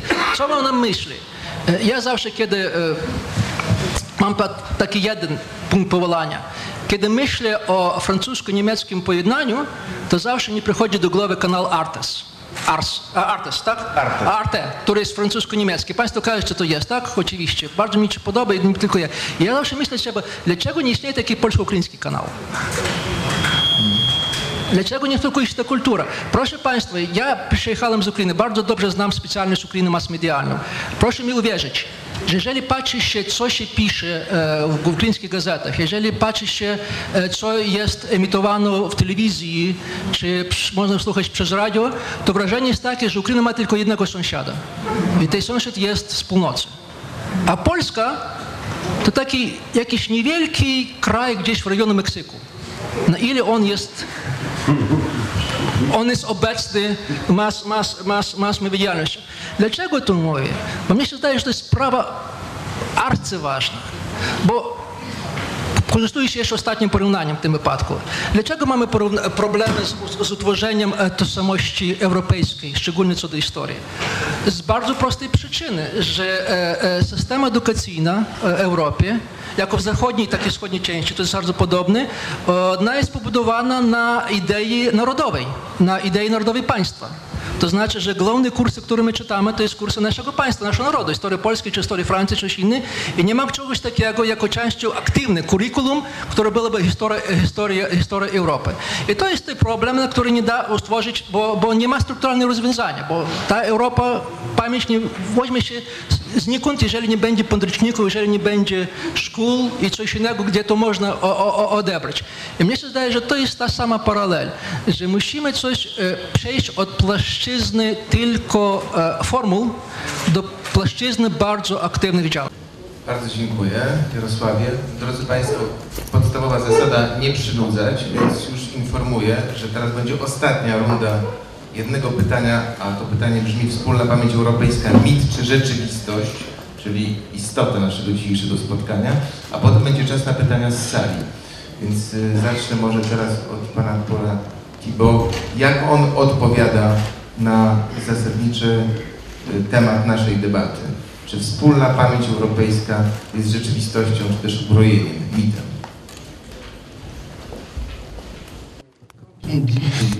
Kiedy, kiedy mówimy, że nauczamy o historiach narodowych, to jednak nie jestem do końca pewien, czy to jest prawda we Francji. Były reformy, były reformy nauczania, były reformy y, nauczania, które y, może nie zlikwidowały do końca historię narodową, ale na pewno zerwały, y, ciąg, że tak powiem, ciągłość historii narodowej. Ludzie mojego pokolenia, że tak powiem, od szkoły uczyli się po kolei portretu królów, od Clovis,a aż do wojny 1914 roku, powiedzmy, wtedy ja chodziłem do szkoły. I to było po kolei po prostu. Daty, kolejni królowie i wszystko, co zrobili. A teraz w nauczaniu historii we Francji jest wszystko. Są właściwie nauki społeczne. I jest tak, feudalizm, oświecenie, a tu im tak impresjonistycznie. Rewolucja francuska jednak, no trudno pominąć, ale jest taki tak naprawdę w nauczaniu historii jakiś taki, e, taka przeciwzdarzeniość. To znaczy jest, nie uczy się zdarzeń, tylko uczy się trendów, ale o historii narodowej nie do końca jednak. Natomiast jak być tutaj, jak, jak, być, jak, by- jak być Europejczykiem? No, ja bym chciał, żeby był e, porównawczość europejska w nauczaniu. To było coś niesamowitego. Żeby była po prostu nauczanie, porównywanie w, Europie. Każdy naród ma, że tak powiem, są, mamy różne, prawda, okresy konwergencji albo dywergencji. E, żeby rozumieć, prawda, Anglię i Francję. Jak to było w okresie reformacji? Skąd się wziął anglikanizm? E, podczas gdy Przecież francuskie fran, francuscy królowie mogli, prawda, tak naprawdę e, pos, obrać podobną opcję jak królowie angielscy. Europa by wyglądała zupełnie inaczej. Czemu tego nie zrobili? I tak dalej. Takie porów- porównywanie tych e, nici historycznych, splątanych bardzo często. Dlaczego we Francji Dlaczego we Francji na przykład ten, który zabił króla, nigdy nie został następnym królem? Z jednym oczywiście wyjątkiem, znaczy wtedy, kiedy to naród zabił króla. No wtedy oczywiście objął władzę, ale Henryk IV, Henryk III zostali zamordowani przez ludzi, którzy natychmiast zostali wyrzuceni na śmietnik historii. A w Anglii, kiedy Ryszarda II zamordowano, jego morderca stał się następnym królem. E, Inny jest więc, y, inny więc ustrój królewski był w Anglii. Kiedy się to porównuje, to bardzo interesujące wnioski z tego wychodzą, prawda? Teolodzy francuscy w czasie wojny stuletniej w Paryżu chcieli y, podjąć uchwałę, z której miałoby wynikać właśnie to, że ktokolwiek, y, ktokolwiek, właśnie żeby to było, że ktokolwiek, prawda, kogoś zabije, nie może być jego następcą. To był taki pomysł i tylko kto głosował za to? Tylko Francuzi i tylko Polacy. Y, Anglicy byli zażenowani, ponieważ regularnie królowie mordowali poprzedników, więc nie chcieli za tym głosować. Włosi, no to wiadomo, prawda, sztyletowali się wtedy na potęgę. No więc cóż, tylko Polacy i Francuzi akurat głosowali za na tym zgromadzeniu teologów y, wtedy. Jest bardzo ciekawy z tego zapisek, pasjonujący. Y, I Trzeba, proponowałbym właśnie, może nie uczenia prawda, historii narodowych, ani jednej historii wspólnej europejskiej, tylko uprawiania e, historii porównawczej, również w nauczaniu szkolnym. Tocqueville postawił, postawił wielką zasadę polegającą na tym, żeby zrozumieć Francję, trzeba wyjechać do Ameryki. E, wy to wytłumaczył, prawda? On powiedział tak, no Tocqueville próbował zrozumieć e, Francję, nie wychodziło mu to, więc postanowił wyjechać do Ameryki, żeby stamtąd spojrzeć na Francję. Może mu się jednak udało. Mu się wydawało, że on zrozumiał Amerykanów. Tak naprawdę on zrozumiał Francuzów, Amerykanów chyba nie. Natomiast e, mm, niewątpliwie jego podróż Tocqueville'a do Ameryki był jednak e, wydarzeniem kulturowym. E, I ta porównawczość, uprawianie tej komparatystyki, komparatystyki wewnątrzeuropejskiej na pewno byłoby dobrym pomysłem. Ja raczej nie wierzę, że tak powiem, w próby, że tak powiem, kompromisowego podręcznika wszecheuropejskiego, z którego drogą negocjacji byśmy ustalili procenty odpowiedzialności w takiej czy innej wojnie światowej. Moim zdaniem to nie prowadzi, szczerze mówiąc, do niczego. E, Trzeba głębiej, bo e, próbując, że tak powiem, e, wypracować sobie uśrednioną wersję europejską, to nam wyjdzie nic po prostu. Natomiast najwyżej się pokłócimy albo stworzymy coś nijakiego. Natomiast kiedy robimy komparatystykę, to, to prowadzi do rozumienia, a rozumienie jest europejskie. języków, czy, ta wspólna pamięć to dopiero się nie zapisuje, czy też, czy też ona, ona już jest? Jak pan... Tak, tak, tak, tak. I chodzi o w ogóle konkluzję naszego dzisiejszego Bronisław Geremek to była parafraza sławnego zdania wielkiego Włocha, który mówił o XIX-wiecznych Włochach, że mamy już Włochy, nie mamy jeszcze Włochów, prawda? I to była parafraza i być może do dziś nie mamy Włochów, prawda? No to a ta historia już jest dość długa, więc na Europejczyków trzeba będzie, e, trzeba będzie, trzeba będzie poczekać. Mi się wydaje, mi się wydaje że, że problem, ja mam taki ambiwalentny stosunek, e, bo z jednej strony sam powiedziałem, że e, cytując Bronisława Gieremka, że wspólna ma być, budowanie elementów wspólnej pamięci e, jest warunkiem koniecznym budowania wspólnej tożsamości, czyli samopoczucia e, europejskiego samopoczucia, utożsamienia się z Europą, żeby to było podstawą solidarności. Z drugiej strony mam takie poczucie, że żyjemy w społeczeństwie, w którym nie ma już ani przeszłości, ani przyszłości. To znaczy przyszłości to Lewinas kiedyś mówił i, i Furet, to zresztą paradoksalnie to nie byli komuniści. Oni powiedzieli, że wraz ze śmiercią Związku Radzieckiego w jakimś sensie przyszłość znikła. To znaczy, że to była ostatnia hipoteza, pewna hipoteza dotycząca, taka transcendencja, że tak powiem, niereligijna. Pewna hipoteza dotycząca rozwoju, prawda? I że właściwie żyjemy teraz, jeżeli się popatrzy, nie ma ani utopii, ani czarnych utopii, ani utopii sensu stricto. To znaczy w ogóle znikła i jak opisywana jest przyszłość, to ona jest opisywana w kategoriach technicznej modyfikacji, zmiany, natomiast wizji przyszłości nie ma. Mi się wydaje, że to nie jest sprawa przypadku i mam takie też wrażenie, że mimo heroicznych wysiłków obrońców naszych e, polityki historycznej, że obecność przeszłości jest też bardzo słaba i, i, i zanikanie nawet w kurikulum w szkołach znaczenia, jakie odgrywała historia, nie jest sprawą przypadku, że znaczy, że żyjemy coraz bardziej w strumieniu, że tak powiem, czasu dzisiejszego. Otóż oczywiście budowanie na takiej podstawie wspólnotek jak, jakiekolwiek jest niesłychanie, jest niesłychanie, e, jest niesłychanie złożone. To znaczy, ja widzę, że tutaj czynniki zewnętrzne odgrywają rolę, że na pewno nieszczęścia, na pewno nieszczęścia, wspólne, podzielane nieszczęścia, może bardziej niż wspólne szczęścia, prawda? I spojrzenie, spojrzenie zewnątrz. I również stosunki z zewnątrz. To element takiej dyskusji, nie polemiki z Jarosławem Chrysakiem dotyczącej pojednania. Mówiąc prawdę, ja mam dwuznaczny stosunek. Ja, bym, ja, mam uczucie, że to jest wymyślone pojęcie. Ma źródła religijne, ale tak naprawdę jak popatrzymy na wszystkie wzory tak zwanego pojednania, to tam interesy były. To zresztą Paul opisał to, mówiąc o niemiecko-francuskim pojednaniu, skąd to się zrodziło we Francji, ta jedyne po- pojednania. To były tak naprawdę decydujące były tak naprawdę interesy ekonomiczne, polityczne i oczywiście to pociągało za sobą e, pewne, że tak powiem, e, modyfikacje spojrzenia i również poszukiwania e, zbliżenia na poziomie wartości. Natomiast ja, ja nie bardzo widzę i tak zresztą do ostatniego przykładu, który jest bardzo pozytywnym, z Ukrainą. To też moim zdaniem, to też interesy, to też poczucie ze strony Polski, trochę takie jak Niemcy mieli z Polakami. No po prostu to jest, żeby się posłużyć taką formułą ładną Timothy Gartnasza, żeby Niemcy były e, normalne, to muszą mieć Zachód nie tylko na zachód od Niemiec, ale również na wschód od Niemiec. To samo można powiedzieć o Polsce, żeby Polska była taka zupełnie normalna, to musi mieć Zachód nie tylko na zachód od Polski, ale również na wschód od Polski, czyli zainteresowanie głębokie oczywiście Ukrainą. Oczywiście jest historyczne, kulturowa, fascynacją, to wszystko istnieje, ale to moim zdaniem by nie wystarczyło dla podjęcia tego wysiłku pojednania. I ja myślę, że podobnie było ze stroną ukraińską. To znaczy, że poczucie, że Polska jest potrzebna, nawet jeżeli dzisiaj jest widocz, widziana tak jak Meksyk gdzieś tam w oddali, prawda? To przynajmniej był taki moment w historii, tych latach 90., kiedy widziano w Polsce e, tę konieczną drogę do Europy i również zmianę losu ukraińskiego.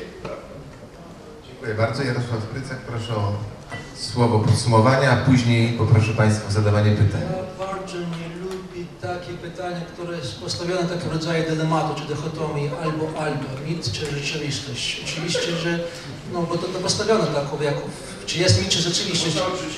Nie, nie, tak, ale po prostu co ja chcę powiedzieć, tego, że, że, że dla, mnie, dla mnie mit jest rzeczywistość.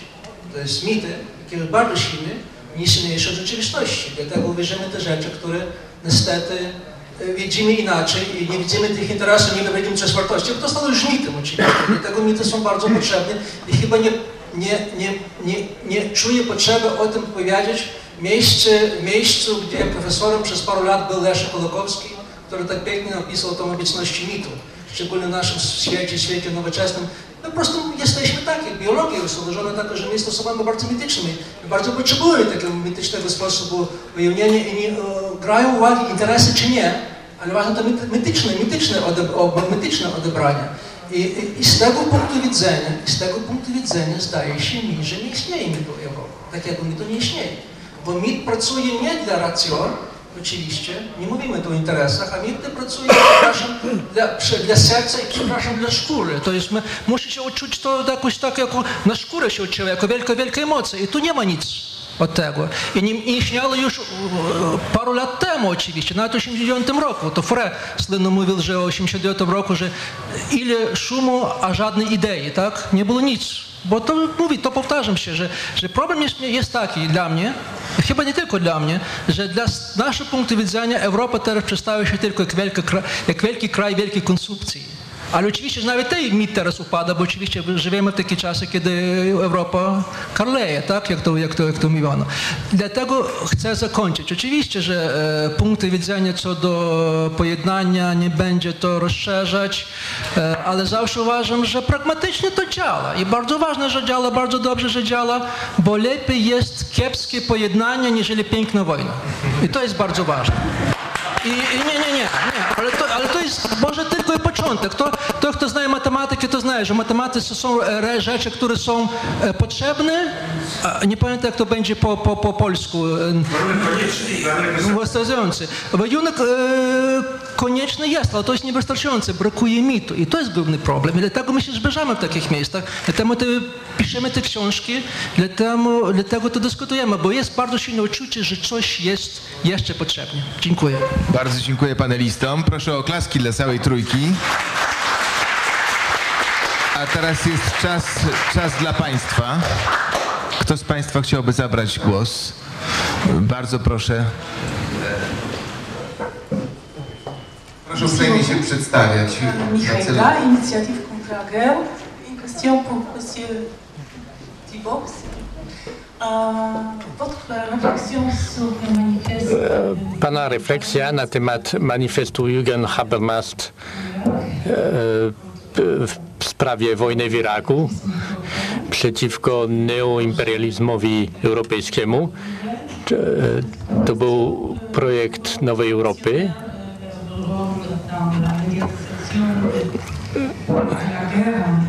Więc, więc pytanie na temat e, przygotowania medialne tej wojny w Iraku.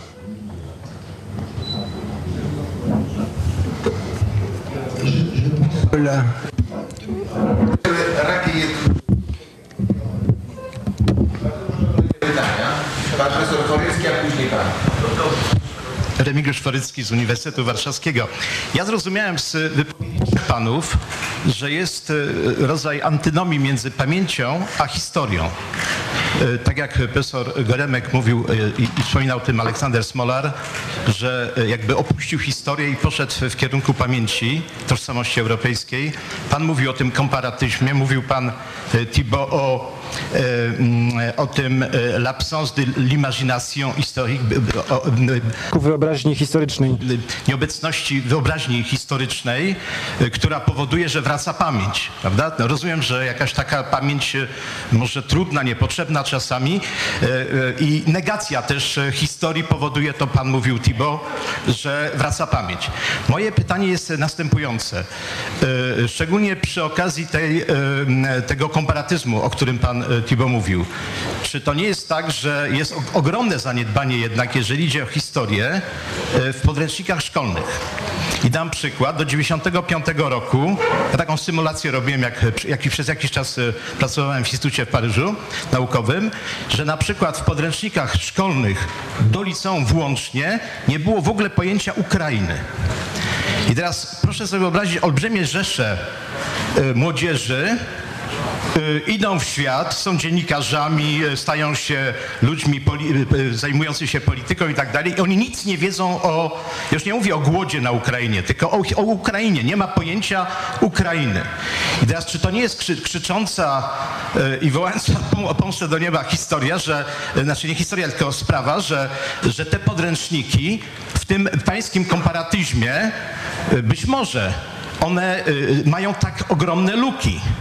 I tego, jeżeli mamy mieć pamięć europejską wspólną, to mi się wydaje, tak, takie jest pytanie do panów, czy nie należałoby jednak mimo wszystko y, uznać historię ważniejszą od pamięci, bo pamięć, rozumiem, to jest taka publicystyka Voltera. I raczej wrócić do porządnej historii i uczyć y, ludzi historii, która będzie y, właśnie no, tych ludzi jakby kierowała w, w roz- w rozumieniu swojej toż, tożsamości obecnej. I jeszcze do pana Thibault mam takie, tylko to jest e, taka uwaga krótka. Otóż e, e, e, kuzyn Ludwika XVI e, e, głosował za śmiercią swojego, swojego kuzyna. I później Ludwik Filip został królem Francji, więc zostaje tylko Polska, która się zachowała godnie. Może.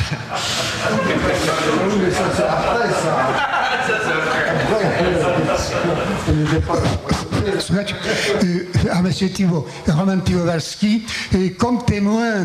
Jako świadek, e, jako świadek polityki francuskiej lat 60. W, w, w Paryżu i jako wtedy mm, student na Sorbonie, chciałbym zadać pytanie, które, że tak powiem, dziwię się, że to, to pytanie nie zostało jeszcze dotychczas jakoś poruszone. Czy pamięta pan, że pierwszym politykiem, który uruchomił Europę nie w czwórkę, która istniała już w latach 60., ale, ale wymienił Polskę i Rosję, że to te, powiedział, że e, Polska i Rosja to też Europa. Ja mówię o tym, ponieważ mnie to w tamtym okresie bardzo interesowało, ponieważ e, chciałem też e, podróżować pomiędzy Francją i Polską i pozostałymi krajami Europy Środkowej, które już wtedy znałem. Zadaję teraz takie pytanie, czy to wtedy było byle co, ponieważ dla mnie to jest ta zasada, która dopiero teraz się zrealizowała od paru dosłownie lat. E, Rosja oczywiście nie jest jeszcze y, częścią Związku Radzieckiego, koniec lapsusu, y, Unii Europejskiej. Y, Natomiast tak było. Y, W związku z czym jednak to de Gaulle wtedy miał teraz ten pomysł. I teraz skąd on to wziął, ten de Gaulle? No, chodziło, czy to chodziło o to, że Francuzi, jak co, byli zupełnie poza wiedzą o jakiejkolwiek Europie? Ja zadaję pytanie, czy również, jak gdyby pan ignoruje, prawda, tą informację, że, że nie tylko teoretyczną, ale również ale również prawdziwą, bo bez tego być może my jako Polacy nie mielibyśmy.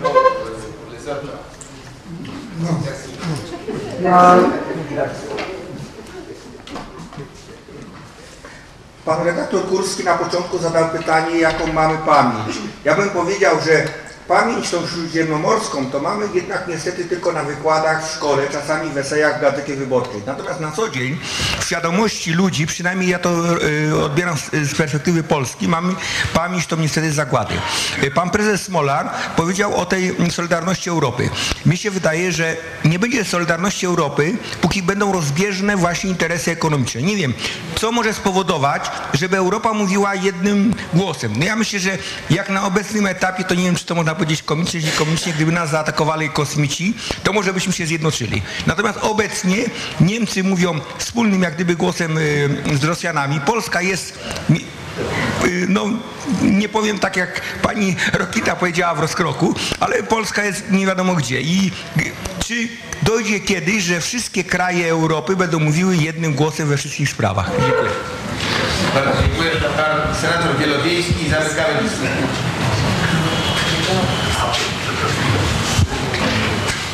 Dziękuję bardzo. Przede wszystkim jestem ogromnie wdzięczny wszystkim panelistom.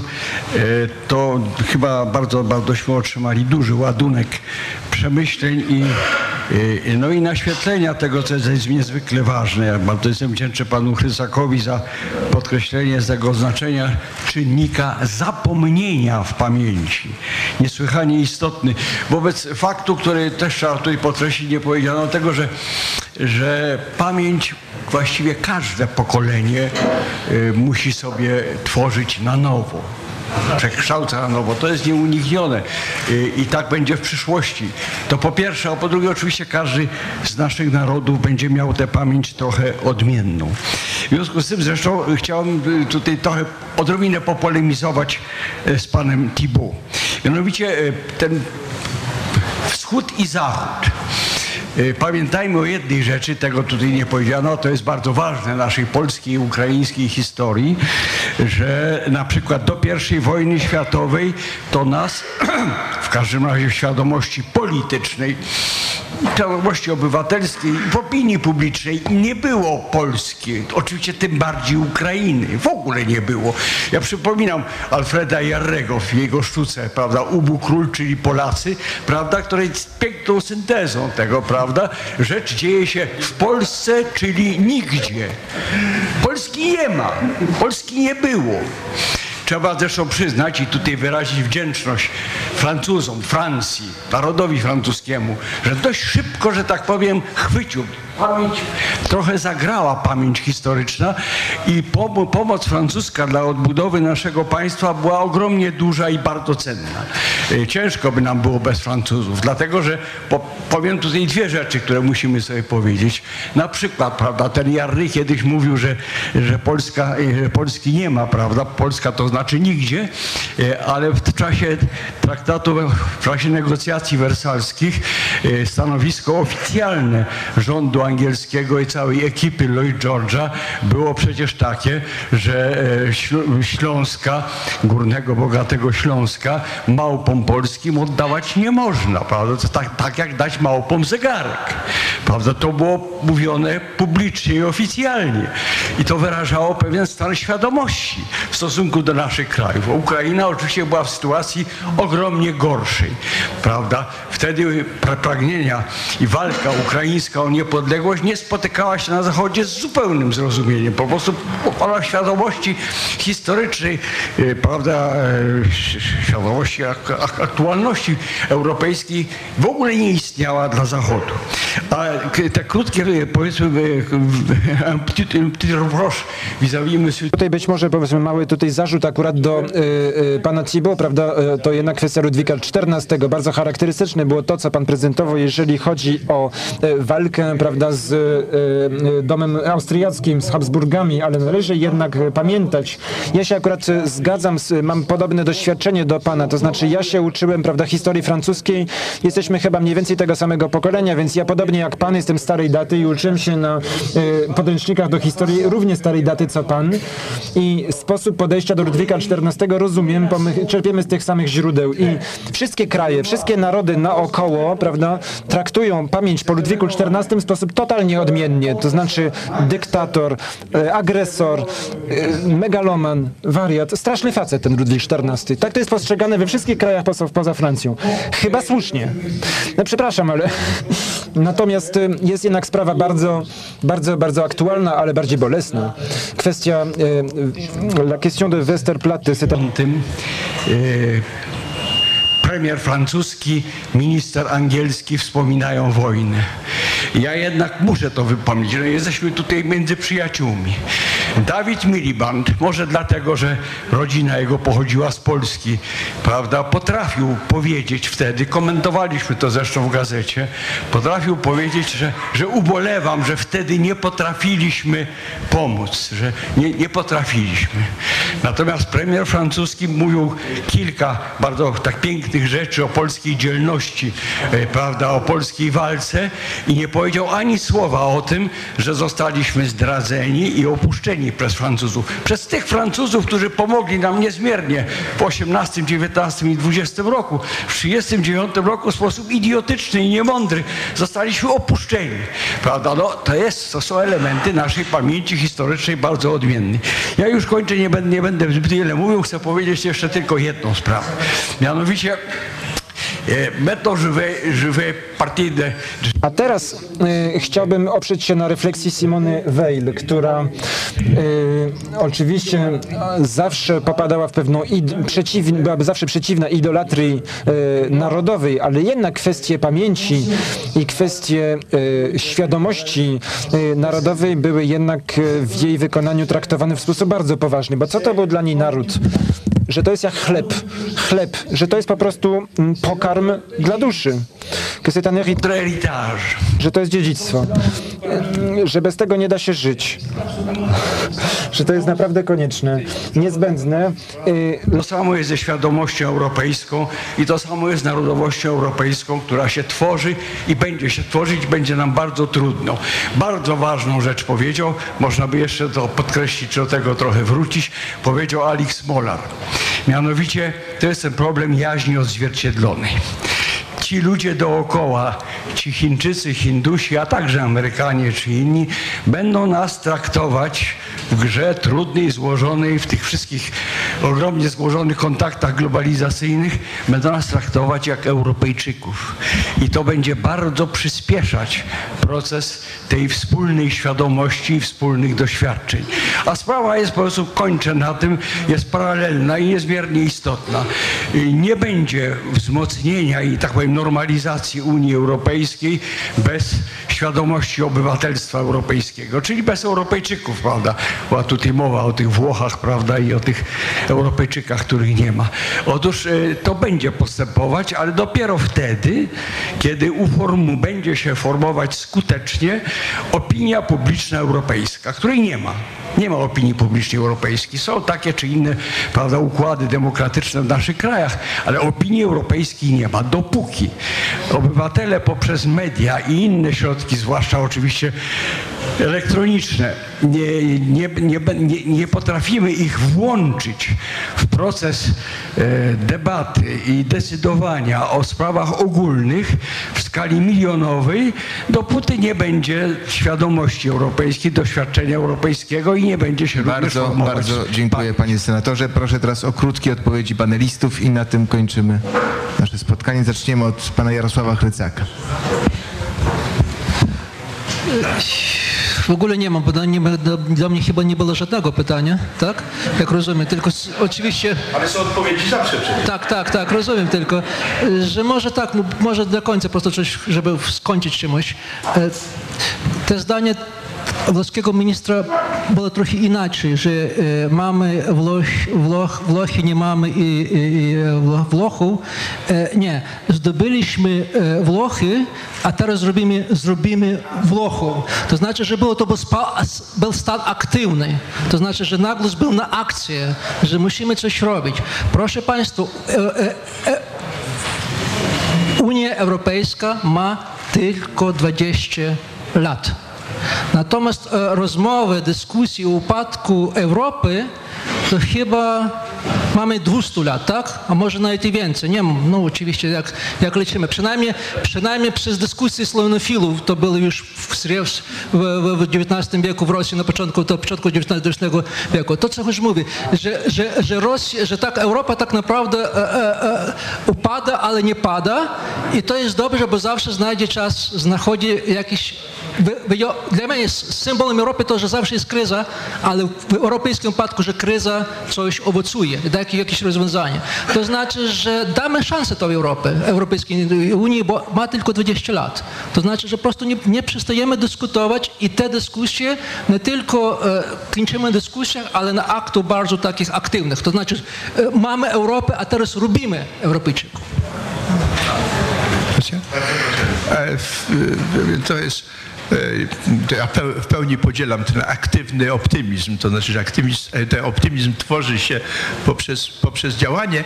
E, Uderzyło mnie, że w, w, w europejskich, w, w, w, przy- przynajmniej w, paru krajach, które znam, słowo kryzys ma wyłącznie negatywną konotację. Otóż w Ameryce jest bardzo ciekawe, teraz w czasie kryzysu, słowo kryzys prawie zawsze pojawia się w takim kontekście, że kryzys jest rzeczą zbyt cenną, żeby zmarnować. To znaczy, że to jest szansa również transformacji, zmiana, adaptacji, dostosowania się. Więc to jest w duchu, można powiedzieć, aktywizmu optymistycznego, optymizmu Jarosława Chrycaka. Teraz tak, ja chciałbym, w związku z tym, że nie było pytań, a, mam za dużo odpowiedzi, wszystkich ich nie udzielę, bo czasu nie to chciałbym jednak powrócić do, do jednej tezy e, Pola Tibos, z którą się nie zgadzam, a mam pewne doświadczenie, mianowicie o Algierczykach i o odzyskiwanej, wracającej pamięci. I że, że to jest koniec dekolonizacji, że dekolonizacja była odrzuceniem Europy, czyli implicite z tego, co powiedziałeś, że teraz będziemy mieli do czynienia z zbliżeniem Europy. Otóż ja teraz byłem w Turcji, Turcja to jest mniej y, z tego punktu widzenia znaczące, ale byłem w Tunezji. Byłem w Tunezji, no i śledzę również pilnie to, co się dzieje w Egipcie i gdzie indziej. To, co mnie uderza, to wręcz przeciwnie. Ja mam uczucie, że teraz następuje odrzucenie Europy. I to jest spokojne, nie na zasadzie agresywnej, właśnie dekolonizacji. E, nawet jak oni się posługują językiem, który jest nam bliskim, nie ma żadnych odniesień do tradycji europejskiej. Oni w gruncie rzeczy mówią często, przynajmniej e, w, tych, w czasie w tych wielkich spotkań, e, przywoływali wartości, które są nam bliskie i, i publicyści zachodni często porównywali do 89 roku. W tych krajach w ogóle nie ma odniesienia do Europy. To znaczy jakby to były wartości zrodzone dopiero. I jest rzeczą interesującą, że my często się wyrzekamy tych wartości. Ja tutaj zresztą w piątek brałem udział w innej debacie, przypomniałem już ten pakt, ale że na przykład ludzie Obamy nie mówią w ogóle o prawach człowieka teraz, tylko mówią o prawach uniwersalnych, co jest abstrakcyjnym pojęciem, co nie znaczy nic. To znaczy, że tutaj następuje jakby również w konfrontacji z tymi narodami jest głębokie poczucie winy, bardzo europejskie i jest jakby wyrzec- wyrzeczenie się przynajmniej w warstwie, warstwie słownej e, tych wartości. Jeszcze pana profesora uwaga na temat pamięci i historii. To nie jest ta różnica, o której pan mówił, że to jest pamięć, to jest wolterowskie. Można powiedzieć, pamięć to jest coś subiektywnego, przeżywanego, e, indywidualnego, e, e, e, pra, prawda? I, I jak mówimy o tworzeniu się grupach i o tym, co integruje, to nie historia, tylko właśnie przeżywana historia, subiektywna historia, która nie musi być zobiektywizowana wcale. Pamięć jest subiektywna, prawda? No ale i dlatego mówimy w kontekście europejskim, mówimy bardziej o pamięci jako czynniku integracji niż jako historii, które jest ogromnie oczywiście ważne i w tym duchu komparatystycznym, o którym Paul Thibault mówił, prawda, żeby poznawać wzajemnie historię, widzieć różnice i podobieństwa. Dziękuję bardzo. Monsieur je vous en prie. Vous avez la parole. Oj, bon. Le- A jeżeli chodzi o, jeżeli chodzi o południe y, Morza Śródziemnego, to bym powiedział, że bym powiedział, że tutaj się nie odnosimy do Europy. Znaczy, niesamowite jest to, że niesamowite jest to, że jest rewolucja w tych krajach, ale ona nie jest antyeuropejska. Przecież wolno było się spodziewać. Przecież chyba być antyfrancuskim w Tunezji czy we Francji, no trochę można, byli trochę do tego, że tak powiem, delikatnie mówiąc, przez Francję przygotowani, żeby nas nie lubić. Prawda? A jednak nie. To jest właśnie ciekawe. To znaczy, ja rozumiem oczywiście, prawda, że po prostu czym Europa dla nich jest, to o czym można by dyskutować długo, ale najlepiej z nimi, a nie ze sobą. Natomiast tutaj mówiliśmy o wielu innych rzeczach. Na początku było pytanie o Irak. Y, Ja też uważam, że tak się dziwnie składa, że znaczy jednak istnieje jakaś, przez jakieś chwile, po prostu na początku e, wojny e, irackiej pojawił się jakiś przebłysk e, opinii publicznej europejskiej. Na początku wojny irackiej i niezależnie od tego, ja nie mówię tutaj o Polsce, bo się nie znam, ale były jednak, prawda, że niezależnie, prawda, od stanowisk zajętych przez rządy, czy to angielskie, czy hiszpańskie, akurat to znam, była jednak opinia zdecydowanie przeciwko Bushowi mm, silna, przynajmniej tak silna, ja mówię tutaj o Anglii, o Włoszech, jak we Francji, może nie aż tak jak w Niemczech, ale coś zbliżonego natężeniem. Coś tutaj się jednak dziwnego, ciekawego stało. Może to była pewna okazja też, którą rządy europejskie przegapiły. Oczywiście nie chodzi o to, abym proponował, żeby wtedy jeszcze ten antyamerykanizm jakoś podgrzewać, ale była być może okazja, e, okazja, że tak powiem, e, spróbować e, wykształcić jakąś inną, od, odmienną wizję rozpowszechniania demokracji. Zostało to moim zdaniem przegapione, prawda? Były te, że tak powiem, smutne, różne głupie wypowiedzi między Francją a Polską, wtedy Państwo pamiętają. Jeśli chodzi teraz o ignorancję, prawda, słuchając tego, co mówi pan Forycki, no ale ja sobie myślałem w ten sposób, no, mm, no ale co, kiedy ja byłem mały jako dziecko, to ja zawsze miałem świadomość Europy Wschodniej, no nie wiem, e, z pierwszych książek, ja to pamiętam, Polska, e, hrabina Sygiur, prawda? Hrabina Sygiur mnie uczyła, prawda? Ja za e, generałem Dowakinem, prawda, do Polski z wielką sympatią, prawda, oczywiście, oczywiście całkowicie po stronie Polaków, prawda, w tej opowieści, jako dziecko, prawda, przez Jules Verna, prawda, uczyłem się o mitycznych Węgrach, które walczyły, prawda, przeciwko komu? Jak się nazywał ten paskudny gu- gubernator austriacki Węgier? Miałem 10 lat, po prostu ja to czytałem i sobie marzyłem o tych pięknych e, powstańcach węgierskich i tak dalej. Pamiętam jakieś jakaś Marusia była też, e, to było o Ukrainie, prawda? Nie pamiętam, co to była za powieść, w jaki sposób się Ukraina broniła przed Rosjan, przed, przed, przeciwko Ros Rosjanom.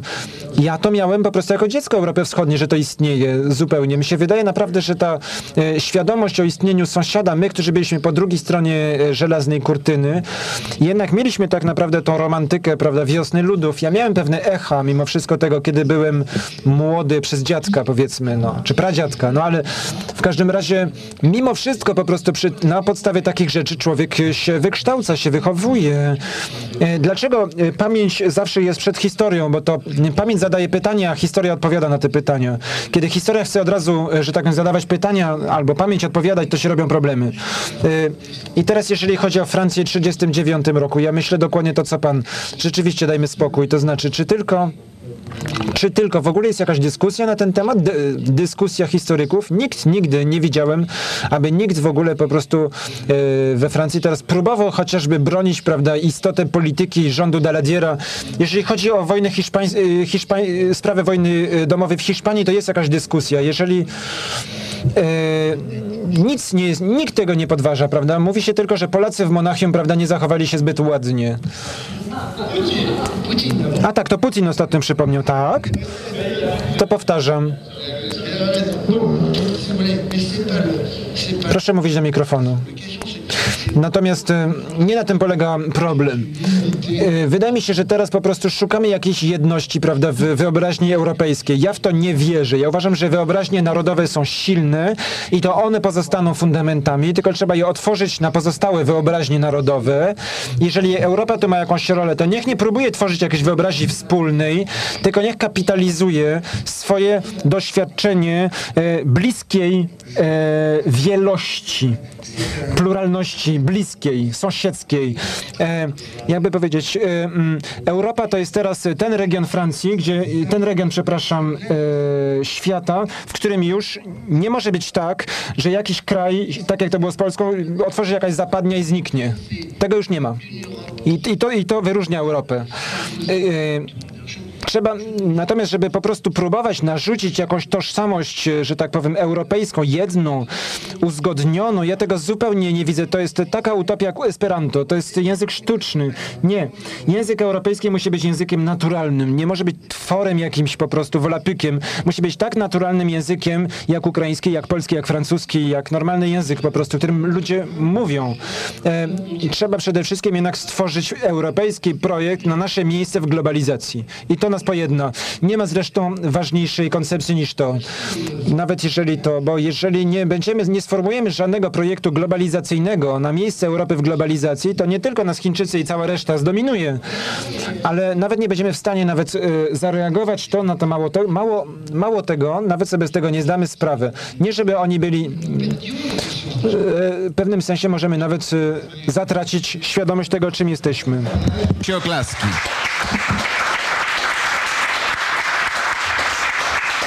Dziękuję i zapraszam na kolejne debaty Gazety Wyborczej.